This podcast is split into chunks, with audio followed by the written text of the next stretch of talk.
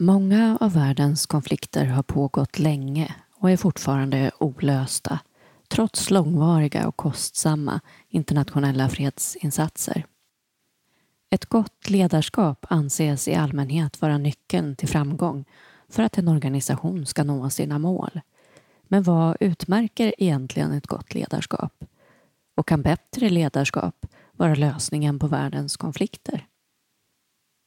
Det ska vi prata om idag i FBA-podden. Jag heter Katrin Jonsson och jobbar med kommunikation på FBA. Jag fick möjlighet att prata med Najat Rushdie som har lång erfarenhet av att arbeta för FN, både i fält och på huvudkontorsnivå. Just nu är hon humanitär rådgivare till FNs särskilda sändebud för Syrien. Hon är också verksam inom IASC, en kommitté inom FN-systemet som planerar och samordnar humanitära insatser. Vi ska höra hur hon ser på ledarskap i internationella fredsinsatser.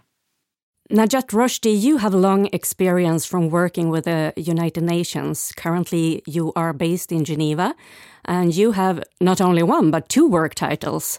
Besides being the senior humanitarian advisor to the special envoy for Syria, you are also team leader for peer to peer at the Interagency Standing Committee, which is a forum for coordination, policy development, and decision making involving key UN and humanitarian partners. Good to talk to you. Oh, thank you. Same here. Let's start with the present ambition to strengthen the leadership within the UN system. What are your thoughts about this? Thank you for the opportunity uh, to reflect on this question. Um, there is always a need to strengthen uh, leadership, you know, from many point of view and from many angles. I would say, uh, the first one, as you know, and it has been the priority of the Secretary General Antonio Guterres, uh, which was about strengthening the female leadership and making sure that women are actually accessing more leadership and senior leadership positions, which is very important uh, because uh, it was uh, it was really very much imbalanced uh, so far, and it's only last year actually where finally we have been able to reach 50% uh, uh, of women actually in senior leadership uh, positions. Uh, the second thing, and I think that's the uh, COVID 19 crisis has taught us this uh, it's the type of collaboration and the type of leadership that is a, a, lesson learned for all of us and there will be a need actually to strengthen the kind of collaborative leadership and the leadership that inspires uh, others and the leadership that mobilizes the teams more than ever uh, than before. And uh, that that is definitely a very important need now and and more in the future not only for UN only but actually for all the leaders uh, across the different organizations uh, and uh, the last point is really uh, to try also to tackle the new cha- the new challenges. Being a leader uh, is not uh, is not uh, a leader with authority nowadays, but more a leader who actually is going to provide the conducive and the enabling uh, working environment and creating the safe space for everybody to co-create and for everybody actually to build something better in supporting or in serving a very specific cause or uh, organization so you see a need for, for this discussion to continue related to leadership and and uh, what kind of efforts do you think there has to be to support and develop the UN's leadership? Well, I think there are, are three different levels of efforts. The first, uh, the first one is really uh, uh, to uh, mentor uh, or coach uh, more junior who have the potential um, uh, to become leaders. Uh, we all know that not everybody can be a leader, and in some cases, some uh, strengthening of the skills is good enough but in some cases uh, you know i mean it's not it's not good enough and not everybody wants to be a leader neither uh, so uh, mentoring and coaching is a very important part of the way to strengthen those the leadership in the un but the second one is really about training. And one very good example is the Women Leadership uh, Pipeline. And um, I have the privilege and the honor to be uh, one of the mentor. And I can tell you, uh, you know, during this very unique experience, trying to uh, build the skills and, and, uh, um, amplify actually the leadership uh, among those women is just amazing uh, bringing all those women together is really a team power. Uh, it's uh, it's a unique experience, and it's also a wonderful way actually to transfer some of the knowledge and some of the experiences we accumulated throughout our career, but also to learn from them. So that needs to be uh, maintained, and actually we need to multiply this kind of initiative for women definitely but i think this would be beneficial for all the leaders uh, throughout uh, the organization. And uh, the last point is really to be exposed to very specific experience again i'm i'm uh, i'm coming back and referring to the covid-19 uh, you know crisis where uh, we all realized how much it is important uh, to uh, to keep a certain balance uh, in uh, in exercising its leadership, but at the same time in uh, taking some time to care about itself and to preserve the mental health.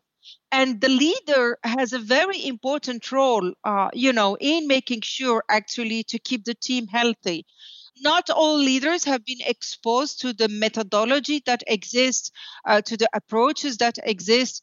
And this kind of briefing, this kind of uh, training would be very beneficial to all the leaders across the board.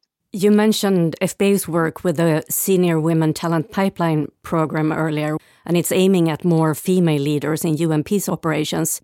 I mean, so far, what kind of benefits or maybe even success stories do you see from it? Making sure that there are a number of women who are more than willing uh, actually to commit and to work in this environment is just wonderful. It's also wonderful to create a community and to see the community growing every day a community of values, a community of principles, a community of senior women who actually will make a difference in the lives of the vulnerable people in the field. And you have spent several years in the field as Deputy Special Representative for the UN Multidimensional Integrated Stabilization Mission, MINUSCA, in the Central African Republic. And you also served as United Nations Resident Coordinator, Humanitarian Coordinator, and Resident Representative of the UN Development Programme, UNDP. Can you describe what it's like to work in international peace operations? It's really very difficult not in terms of the job itself, but in terms of what we see every day. Uh, you know, in the mission I was serving in, I mean, that was a conflict country, like m- most of the missions, of the peacekeeping missions. And some conflicts are really, really, really horrible. And uh, actually, uh, in our position, uh, we are witnessing every day atrocities. And and uh, at my level, I really thought it was it was very tough, really very tough to realize what humanity and what human being uh, actually can do uh, to other human beings. So, uh, yes, it was very, very difficult. But at the same time, because of all of that, it was an additional, uh, you know, motivation, and it was uh, fueling the energy to do even more uh, to provide support and, and, and to come up with something which actually will make an end, uh, bring an end to those violations, to this violence, uh, to this poverty, uh, to this misery, and to this conflict. Um, uh, there were uh, a lot of issues with justice, and uh, it was um, w- one of the most rewarding, uh, you know, mission I had, uh, which was actually the the fight against impunity and just bringing those who committed atrocities, those behind war crimes, those behind crimes against humanity before justice was was was wonderful. I mean, uh, obviously, I did not do it alone. I did it with the with the teams, and I was lucky and gifted to have wonderful teams uh, uh, working with me. But actually, I did it also with the communities. And uh, one thing that is at the same time very very hard, very very hard, and heartbreaking every day but at the same time so wonderful so wonderful. And that's why i love so much my job in the field. It's just this uh, engagement with the communities. It's just you know coming to know real people and coming to realize that because of our work all together uh, the un with the donor community with the international community and with some wonderful local champions, actually, our local heroes, we are able uh, to open up new opportunities for every little girl and every little boy who have, we have been able to put in school, for every woman who was suffering from violence, from rape, from from uh, being beaten every day, with uh, with the income generation for them to count uh, in the community and to have a better future. Uh, you know, with every single man who uh, uh, and and and uh, boy who used to go uh, to join armed groups and die in uh, in the fight uh, all of the sudden deciding well not really all of the sudden is the result of a lot of efforts disarming and and demobilizing and actually choosing peace over over violence. So that's what is the field about and that is what is a peacekeeping about. And that was what I could do uh, and what I could get in return, uh, but also what I had to uh, manage as a, a deputy SRHD uh, in uh, MINUSCA. And missions include people from all over the world and people from different cultures with different perceptions. How does that affect dynamics uh, in the team? Actually, it was a richness. I mean, uh, that's what is amazing working for UN. It's always a group of people who are very different from all points of view. I mean, from culture, uh, religion, customs, um, uh, mindset, uh, different sets of experience, different gender, and um, it's fascinating. It's really fascinating, and um, of course, if you come with the right uh, uh, respect um, i don't like to say tolerance because tolerance in itself it may it means that you are making an effort. It has to be just to acknowledge those differences and and respect them and accept them and actually try to build and capitalize on what best we can bring each uh, to each other but all together as a group uh, to better serve and, and do and do uh, better and do more. And as you said, there's a number of really huge challenges when working in the field. Is there anything special that you have to think about as a manager in this very difficult context? Well, you know, sometimes, um, of course, because of some differences, could be some frictions or, or maybe some misunderstanding, uh, which can lead actually to some tensions. What I have always done is to make sure that there is an open communication and to uh, provide a safe space to everybody to be able to come to me and to talk about it, um, whatever it is. Uh, so I had, and I am known for the open door policy and where there is no forbidden uh, uh, subjects and an issue to discuss, as long as it is done in full respect for each other and as long as it is done, uh, of course, in full confidentiality, uh, with only one purpose is that as a team, we should really come together uh, to serve. And and uh, sometimes uh, it just takes you know to establish a dialogue and sometimes it takes to uh, bring the, protag- the protagonists together and to put them around the same table.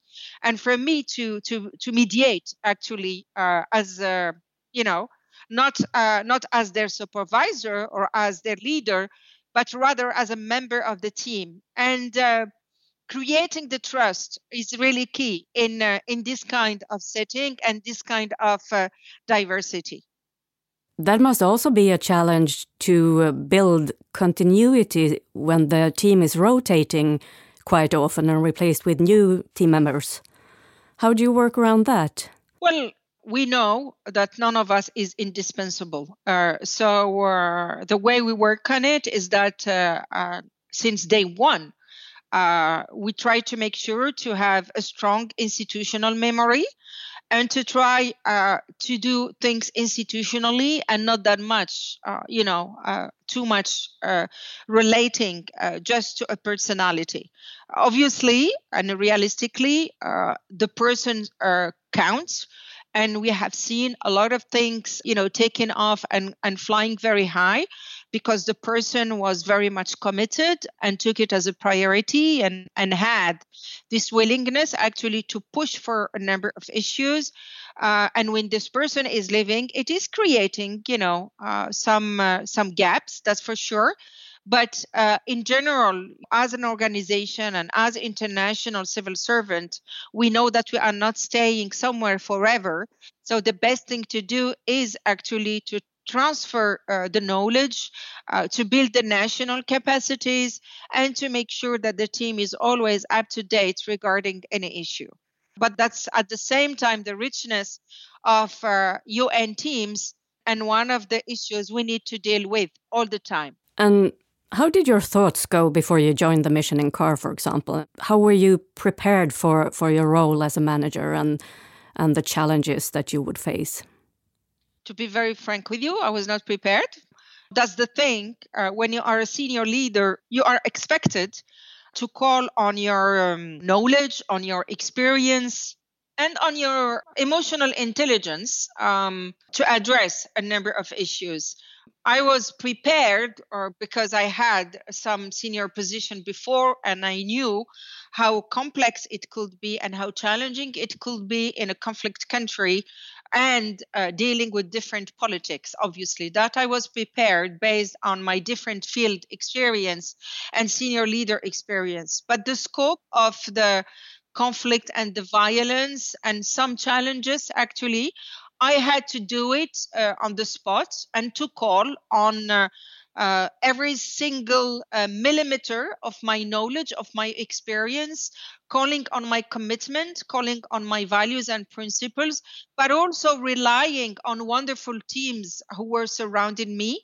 Um, I mean, we, we never come to a new position with all the knowledge, and one has to be humble enough to ask the others, uh, you know, uh, to uh, to explain and and to say also, I don't understand and um, and it's it's it's just great. Uh, whenever I did not understand something, and I didn't know because I did not understand all the local dynamics, the local politics, and sometimes the local culture and the local traditions as well, because it takes time before you get it. It was just wonderful uh, to tap in the knowledge uh, and and the experience of uh, my Central African colleagues, you know, the nationals uh, who I had in my team, but also all my predecessors uh, in the position.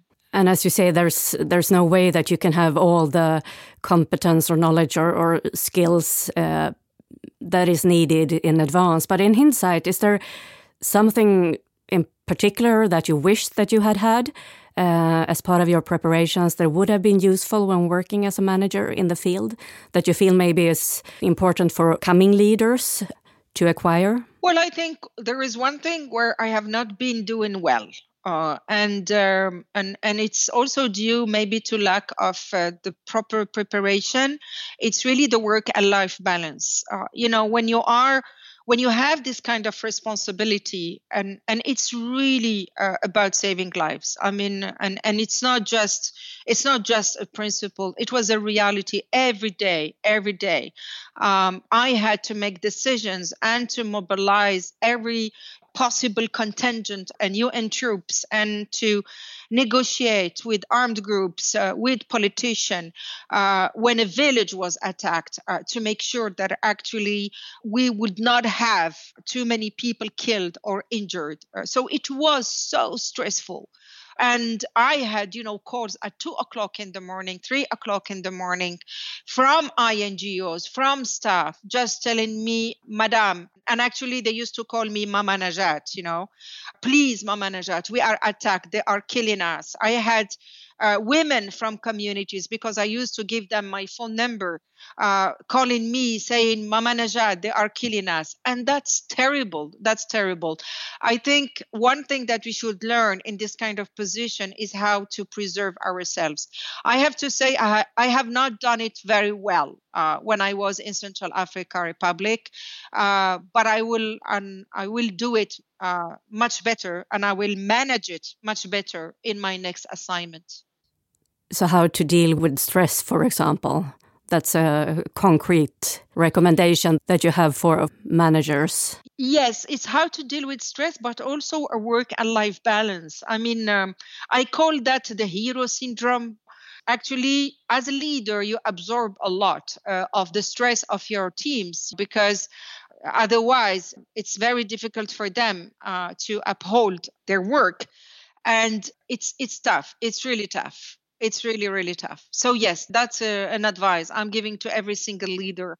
It's really to disconnect on regular basis and reconnect with their loved ones with their families with whatever they like to do. You know maybe it's uh, traveling i mean uh, whatever is good for them and obviously manage the stress and know that uh, it's fine if from time to time you just feel like crying and it's fine because the kind of things we see is calling on our humanity and uh, and crying and being fragile is being a human as well. And to summarize what's the most important that you have learned about leadership from your assignments? I think a leader without a very good team is is nobody. I mean, it's as simple as that. Um, that was, uh, I'm, I'm, convinced uh, that uh, uh, for us to be a good leader, it's very important to make sure that our team are functioning very well, uh, that they feel safe, that they trust you, and that we provide them with the right guidance and the right support for also for them to grow. Uh, so that's the first thing. A second thing, a leader without very strong stance when it comes to values and principles for me is not a good leader. And as a leader, we are very much exposed, uh, obviously. And sometimes uh, the easy solution will be to give up a bit on on some of the principles. But for me, this is not it's not an option. So it takes a lot of uh, conviction and and and sometimes uh, you pay the price you know just to say no uh, and uh, you can say no uh, also to member states uh, and and to some of the donors and yes it happens sometimes that the political agenda of some member states is not actually the interest of the communities we are serving. And in that case, I consider that as a UN senior leader, it is our duty, our moral duty, and our job to really stand very strongly uh, against anything that would harm those communities. Uh, the third thing, uh, we cannot know everything. Uh, and it's a it's a daily learning experience. Uh, in every single senior leader position I had so far, I have learned uh, so much. I have learned myself. I have learned from others. I have learned from the communities. I have learned from my peers but I have learned also from my supervisors. So it's a wonderful position to be in because it's a daily learning experience, and there is nothing more exciting and motivating than uh, knowing that tomorrow you will learn something new. Vi hörde Najat Rushdie berätta om sina erfarenheter som chef i FNs fredsinsats Minusca i Centralafrikanska republiken och hur viktigt ledarskapet är för att teamet ska fungera i en så svår kontext. Nu vill jag hälsa er välkomna Jens Sjörlien, FBAs programchef för ledarskap och samverkan i fredsinsatser och Marie Blomdahl som är senior rådgivare inom ledarskapsutveckling på FBA. Du har arbetat med att stärka cheferna inom EUs observatörsinsats i Georgien, EUMM, som Sverige bidrar med personal till. Välkomna hit. Tack. Tack så mycket. Ledarskap och samverkan är ett av FBAs expertområden och ledarskapsutveckling har blivit en allt viktigare komponent i myndighetens verksamhet. Som en del av arbetet för att stärka internationella fredsinsatser utbildar FBA chefer inom FN, EU och OSSE och skräddarsyr insatserna efter varje organisations behov. Vad är det de efterfrågar och hur går det till rent konkret när ni får ett uppdrag? Berätta Jens. Jo, men det här är ju områden som myndigheten har jobbat med sedan starten. Eh, FBA har genomfört kurser för högre chefer inom både FN och EU, till och med utvecklat sådana kurser. Det här programmet som är relativt nytt har fortsatt att utveckla den typen av utbildningar och riktat in sig kanske mer på strategiska processer som pågår inom de här organisationerna. Så vi har genomfört eh, stöd till till exempel FNs stabschefer. Eh, vi fortsätter att stötta de etablerade program som finns för ledarskapsutveckling inom FN. Eh, inom EU så har efterfrågan varit stor i eh, fältnivå, som vi säger, liksom i fredsinsatserna. Så där har vi jobbat mer med eh, stöd till cheferna på plats. Inom FN har det handlat mer om att stötta de system som finns eh, i, mycket i New York, men för att eh, organisationen i sig ska kunna stötta sina ledare. Najat lyfter fram programmet Senior Women Talent Pipeline som FBA stöttar, där kvinnor utbildas med målet att få fler kvinnliga chefer inom FNs fredsinsatser. Vad är det FBA har gjort där? Eh, där har vi till exempel eh, hjälpt till med ett initiativ för att få, få in eh, fler kvinnor på högre positioner. Så vi har genomfört kurser för en pool av kandidater som FN har tagit fram. Men sen tänker jag, vi jobbar också på en mer systemisk nivå. Vi försöker stötta de här organisationerna i deras arbete med att bygga upp system för ledarskapsstöd. Så FN har en policy som de kallar för transformational leadership Eh, som, som de arbetar utifrån, många, många delar av systemet. Och vi jobbar ju med nyckelaktörer på olika håll eh, och tillsammans identifierar områden där vi kan hjälpa till att stärka eller utveckla något koncept eller eh, genomföra så här eh, konkreta ledarskapsutvecklingsinsatser.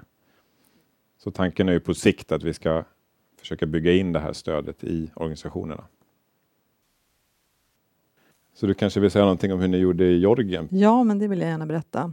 Eh, vi var två personer från oss som tog oss an den uppgiften och vi kom inte bara in med färdiga paket eller färdiga idéer, utan eh, vi tittar på vad finns det för behov, var, var är de nu och vart vill de?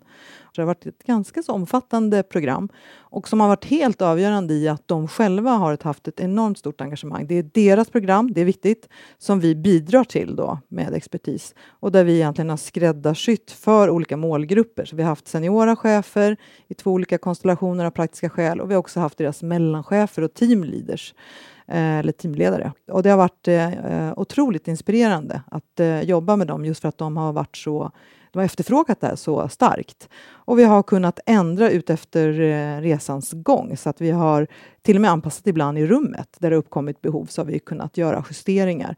Eh, så att det ska vara så relevant som de som möjligt och också att det ska bli kvar när vi sen har nu avslutat har varit viktigt. Så vi har haft en styrgrupp och vi har haft en arbetsgrupp tillsammans med dem. Deras fråga när vi kom dit var att de eh, egentligen uttryckte så här, vi vill stärka ledarskapet på insatsen. Och när vi frågade dem, vad, vad betyder det för er?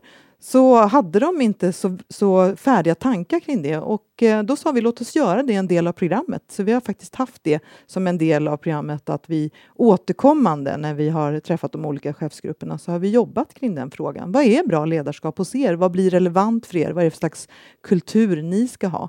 Det har varit mycket kring feedback och kommunikation, så mycket kan jag säga, men också eh, att jobba det här med att jobba i team har varit väldigt viktigt för dem. Eh, och kulturell kommunikation eller kulturell samverkan. Eh, de är ju ifrån eh, 27 olika länder, så det blir viktiga frågor för dem. Eh, på FBA har ju vi en ansats när det gäller vår pedagogik att vi inte kommer dit och föreläser och berättar hur de ska göra utan vi kommer dit med Eh, tankar kring ledarskap och modeller och teorier men väldigt mycket praktiskt arbete i syfte att liksom höja, eh, ha högt i tak så man kan testa men också sänka trösklarna så att man vågar pröva och drömmen är ju att man till exempel jobbar med svåra samtal eller någonting och att cheferna säger att nu ser jag fram emot det här samtalet som jag har nästa vecka och som jag får träna på här. Eh, när jag hör sånt då känner jag att då har vi lyckats bidra med någonting. Ja, det är ju hela FBAs pedagogiska profil att vi försöker lägga utbildningsansvaret på deltagarna. Egentligen att man ska uppleva och lära sig saker snarare än att vi berättar hur, hur man ska göra.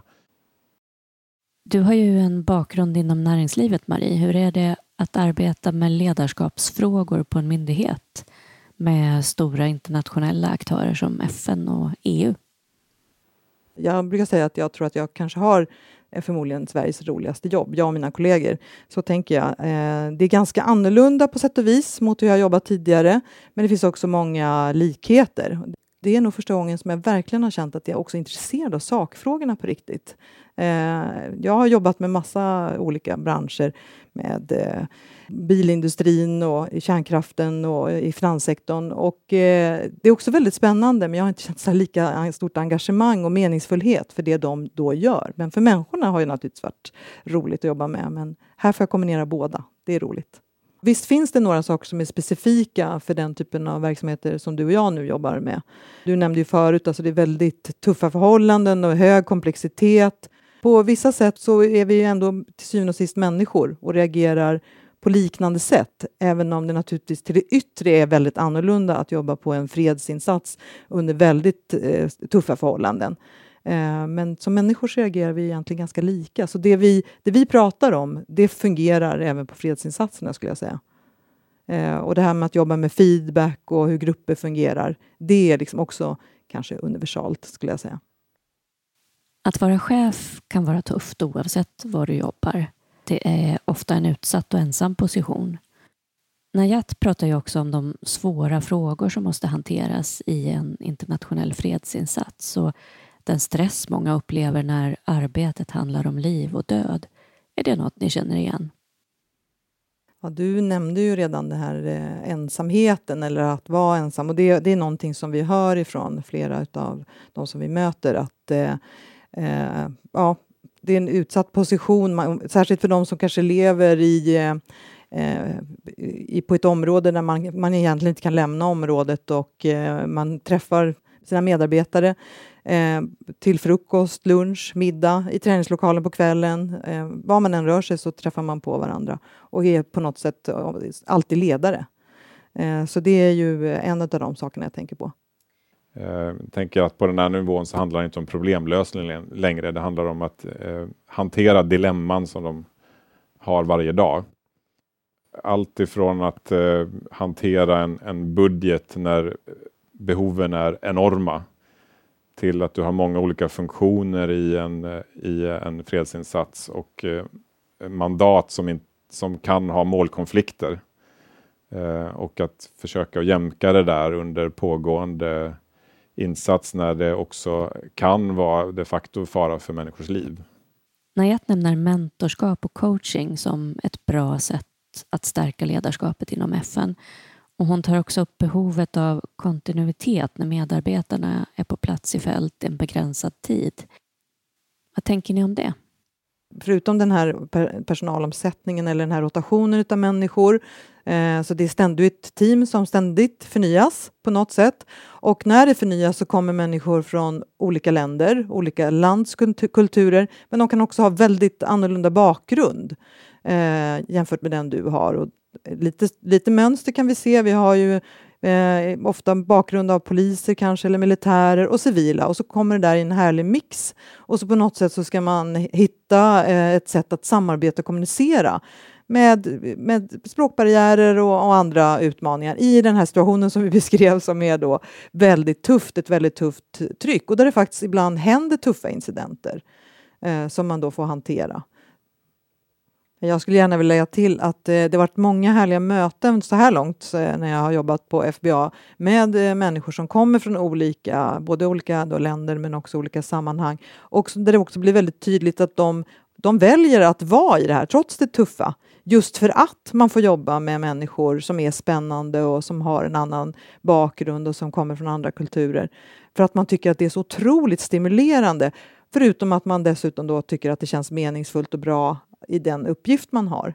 Så det tycker jag också är viktigt att säga, för nu har vi pratat mycket av utmaningar och de, de finns där. Men det finns också otroligt mycket stimulans i just det här, så det är inte bara det ena utan också det andra.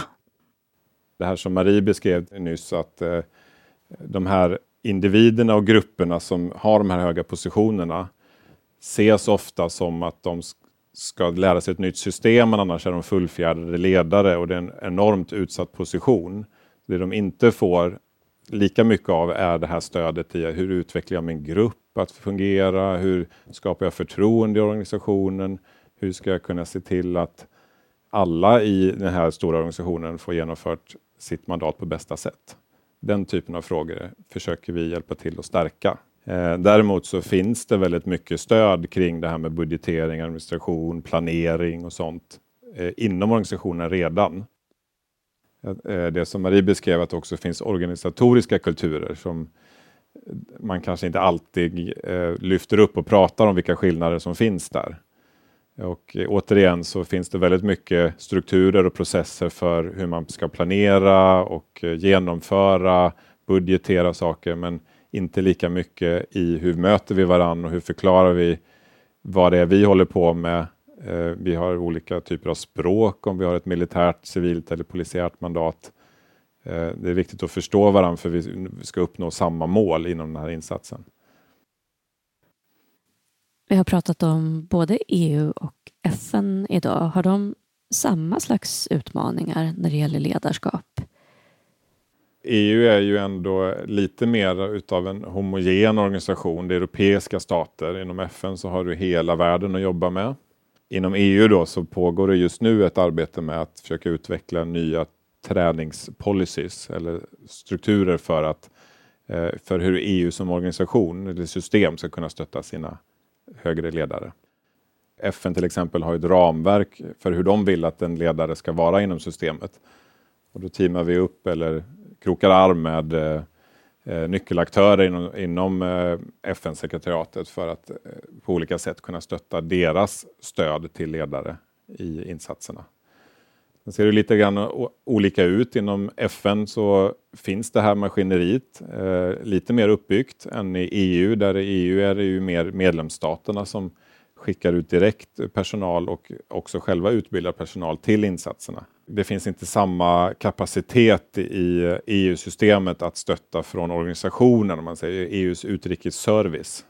Där har vi ju tack vare det arbete som Marie beskriver i Georgien och vi har även jobbat i Ukraina eh, fått till en dialog där vi har kunnat stötta EUs utrikesservice med att eh, när de samlar alla de civila cheferna för in, insatser så har vi kunnat vara där och, och eh, prata om ledarskapsutveckling.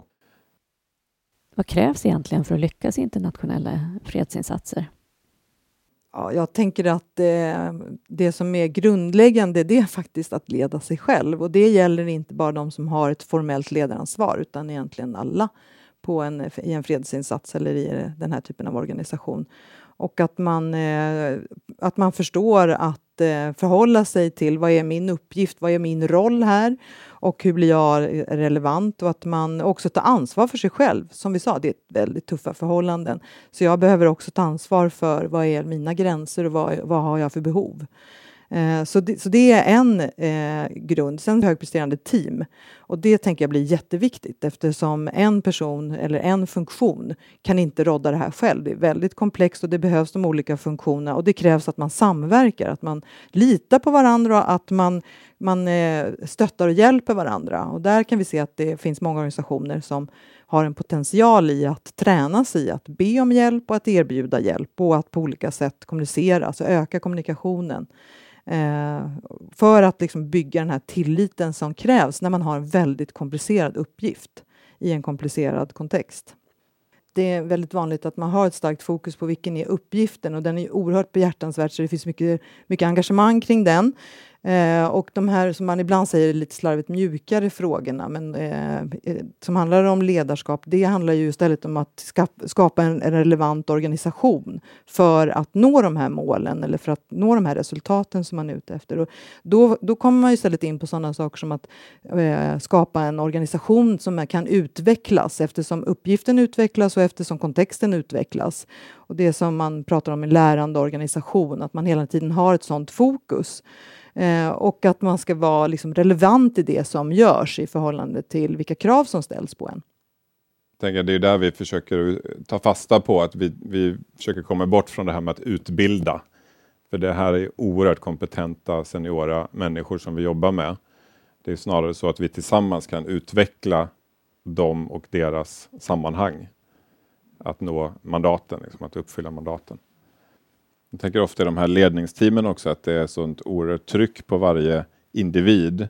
Att man måste ha ett, eh, en kultur som innebär att man kan dela saker och, och lyfta eh, svåra problem och sånt i den här gruppen. Att ha det förtroendet för varandra. Och det, kanske just också för att det byts ut personal ganska regelbundet. Att det kommer och går människor hela tiden så be behöver de ha eh, en, en jargong och ett arbetssätt i den här ledningsteamet som, som fungerar, som blir effektivt? Ja, vi nämnde eh, fredsinsatsen i Georgien förut och det som var nyckeln för dem och som vi kom tillbaka till hela tiden var feedback. Så det är ett väldigt viktigt eh, ledarverktyg eller medarbetarverktyg att eh, hela tiden jobba med att återkoppla till varandra och att eh, på något sätt eh, eh ja, utvärdera det man gör och lära sig av det man gör. Både när det går väldigt bra, att fråga sig vad var det för faktorer som gjorde det och vad, uppskatta varandra.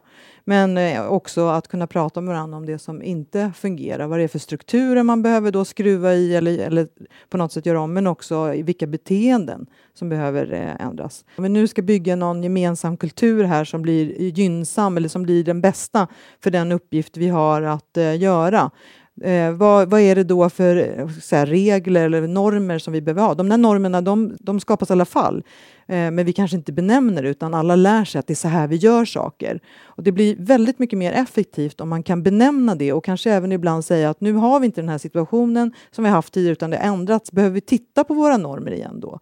Hur vi pratar med varandra eller andra saker som vi gör i, i vårt samarbete.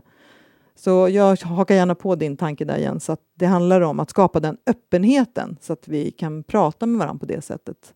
Du brukar betona, Marie, att det är viktigt att möta människor där de är. Vad innebär det? Det innebär just att eh, titta bortom landskulturer, organisationskulturer, titlar utan att faktiskt förstå att det här är, är människor som vi har att göra med och det är det som är, liksom, det är nyckeln i det här. Vi är i professionella roller på olika sätt eh, och vi har uppgifter som vi ska lösa. Men till syvende och sist så är vi människor i det och det människor kommer med sitt. Eh, och att faktiskt bygga på, på det, att förstå eh, de människor som är där och vad de har för behov utifrån de uppgifter de ska göra. Tillbaka till vår inledande fråga. Är bättre ledarskap lösningen på världens konflikter? Vi jobbar ju med det här så vi tror på det såklart, men det är såklart att så enkelt är det ju inte. Det finns massor med saker som vi behöver eh, komma på plats och det tycker jag har varit inspirerande sedan jag började på Folke Bernadotteakademin att se vad mycket vi har här på myndigheten som eh, olika pusselbitar som behövs. Jag tänker att eh, återigen att titta på vad våra partners behöver och eh, utifrån de förutsättningar vi har och då att vi också vill se långsiktiga resultat, att vi bidrar på ett sätt som gör det relevant för dem. Eh, så absolut, eh, det är det som är eh, det meningsfulla tycker jag, att på något sätt så håller vi på att bygga en bättre värld. Jag tänker att effektivare genomförande av de uppgifter som de här insatserna har leder till bättre resultat och för det krävs ledarskap och samverkan. Det var allt för idag. Tack för att ni kom hit och delade med er av era erfarenheter och tankar om ledarskap. Mer om FBAs arbete för fred, säkerhet och utveckling hittar du på vår webbplats fba.se, i sociala medier och där poddar finns.